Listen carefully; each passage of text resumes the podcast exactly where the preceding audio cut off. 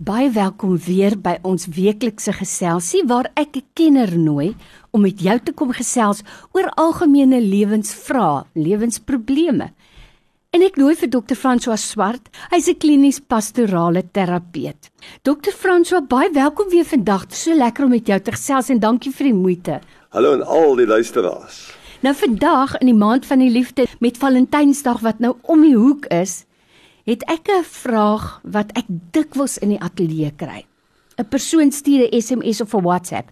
Nou moet ek sê, dis jong mense, ou mense, mans met 'n vrou mense. Wat sê, my man of my vrou, my kerel of my nooi, my verloofde het my nie meer lief nie. Ek wil 'n einde aan alles maak.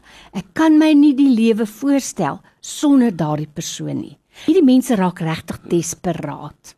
O, Lorraine, is dit nie so nie? Die liefde is seker een van die mooiste goed waarmee jy gekonfronteer kan word, mens wees. En as jy liefde kan ervaar, maak nie saak watter vorm van liefde nie. Dit is dan een van die wonderlikste emosies wat 'n mens kan hê. Maar die liefde het die potensiaal om ook baie seer te maak. Mm. Ons weet dit, ehm um, elkeen van ons uh, wat al 'n paar myle agter die blad het, kan getuig van 'n oomblik wat jy getwyfel het. Ek dink dis 'n baie belangrike vraag wat jy vra en dit is goed dat ons daaroor praat. Ek dink die belangrike ding rondom liefde is dat jy moet besef in enige verhouding moet jy bereid wees om tyd daaraan te gee. Jy mm. moet bereid wees om hard te werk en instandhoudingswerk te doen.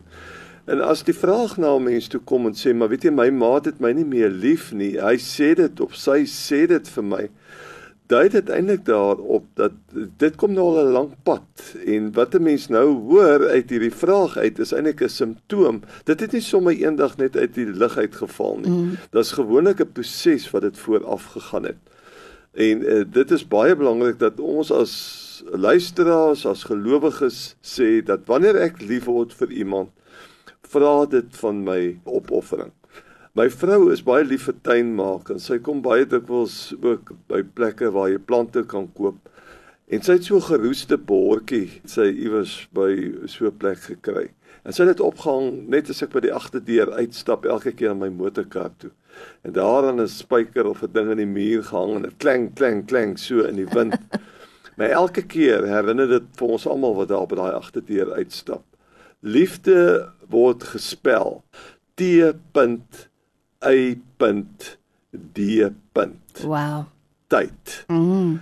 En ehm um, ek dink die belangrike ding van die, die luisteraar wat hierdie soort van worstelinge het rondom die liefde is jy moet vir jouself afvra waar kry jy jou identiteit? Is jou identiteit afhanklik van jou man?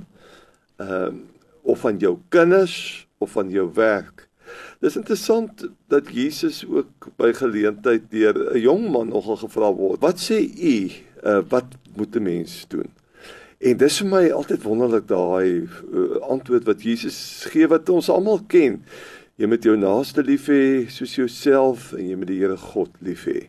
Uh dit is waaroor dit gaan. Maar die die subteks van dit wat Jesus sê, jy moet jou jy moet hulle lief hê soos jouself. Mm. Ons moet daaroor praat. Mm. En as jy sukkel in jou verhouding, moet jy eers gaan seker maak, weet jy wie is jy?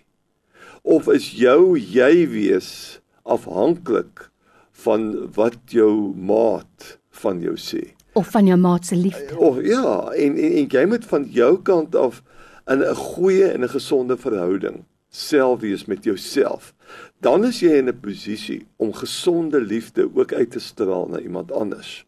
Maar as jy die hele tyd afhanklik is van ander mense se liefde vir jou, is dit tyd dat jy eers gaan kyk na jou eie selfliefde, is dit gesonde soort van liefde en het jy met die tyd afhanklik geraak van jou maat se liefde. En daarom is verhouding in standhouding baie belangrik. As ek dit reg het en jy dit dalk ook so, is dit nie 'n slegte idee om jou motorkar elke 15000 km in te gee of te vat vir 'n diens nie. Dis so Dit is nie 'n slegte idee om jou motorkar se bonnet oop te maak elke 15000 km. So net te kyk, is daar nog genoeg olie in? Is die waierband nog lekker styf en so aan. En dit is baie belangrik ook binne 'n verhouding. Jy moet jou verhouding gereeld diens en daar sekere vrae wat jy vir jouself van tyd tot tyd moet vra. Want dan beland jy nie by die punt wat ons vraag is volgende nie. Nou dokter François reg aan die begin van jou gesprek het jy nou gesê, hierdie is nie 'n probleem wat sommer oornag ontstaan het nie, hy het 'n aanloop gehad. Baie mense sê nee, dit het my totaal onverhoeds betrap. Is daar sekere tekens wat vir 'n mens gaan sê, hoorie, jy moet bietjie oplet. Dinge is nie so lekker nie, hoor, van jou maat se kant af nie. Ja, ek dink uh, dit is dis belangrik of mens voortekens kan raak sien. Mm.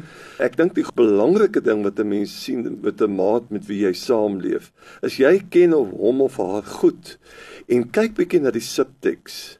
Dit is nie baie keer wat hy of sy sê wat die krisis is nie is wat hy of sy nie sê nie. Of nie doen nie. Of nie doen nie. Jou liggaamstaal is 'n ander ding wat 'n mens moet dophou jy ken jou maat. As jou maat se lippe op 'n sekere manier trek of sy oog trek op 'n sekere manier die skouertjie raak bietjie styf en so aan dan weet jy jou mm. maat is eintlik ongelukkig. En dan is dit soos jy sê baie keer sê ek ag ek verbeel my maar seker of ek ignoreer dit net En dis hoekom die instandhouding wat ons net van gepraat het mm. so belangrik is. Daar mm. moet 'n ritme in jou verhouding wees en dit is goed om eenmal 'n week in 'n koffiewinkel te gaan sit en net vir mekaar drie vrae te vra. Sê vir my, wat was jou lekker hierdie week in ons verhouding? Die tweede vraagie, wat was vir jou nie so lekker nie? Mm. En dis hoekom jy in die koffiewinkel sit, Lorraine. Mm. Jy kan nie daar beklei nie want die hele skare gaan nou vir jou kyk. ja. Jy het 'n boekie daarso, ons kan sê dis ons boekie. En elke keer word daai boekie uitgehaal, die datum word aangeteken van daai koffie gesprek en jou maat sê vir jou, weet jy, ek is nie gelukkig met wat Woensdag gebeur nie.